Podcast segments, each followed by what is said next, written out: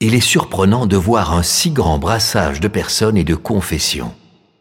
Ces propos pleins d'étonnement sur Anvers sont extraits d'un best-seller, un livre publié en 1567, réédité plus de 60 fois également par Plantin.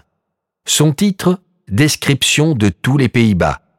Son auteur, Lodovico Guicciardini, un Florentin qui vit depuis environ 25 ans à Anvers, où il est d'abord commerçant dans l'entreprise familiale et plus tard écrivain. Celui qui désire savoir comment vivent les gens du XVIe siècle dans les villes flamandes et néerlandaises, et spécifiquement à Anvers, peut consulter l'ouvrage de Guicciardini.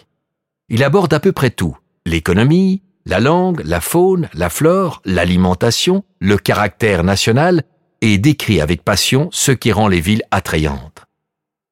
L'édition de Plantin du livre de Guicciardini contient des vues de la ville et des cartes. Il se les procure par le biais d'Abraham Ortelius, un ami de la maison et créateur du tout premier atlas du monde. D'autres villes comme Utrecht et Leyde voient dans cette édition une opportunité de promotion, de city marketing. Elles offrent à l'éditeur du soutien financier pour la réalisation du plan de leur ville. Plantin édite de nombreux ouvrages scientifiques. Plus d'un quart d'entre eux portent sur la géographie. Au XVIe siècle, le monde est intensément décrit et cartographié.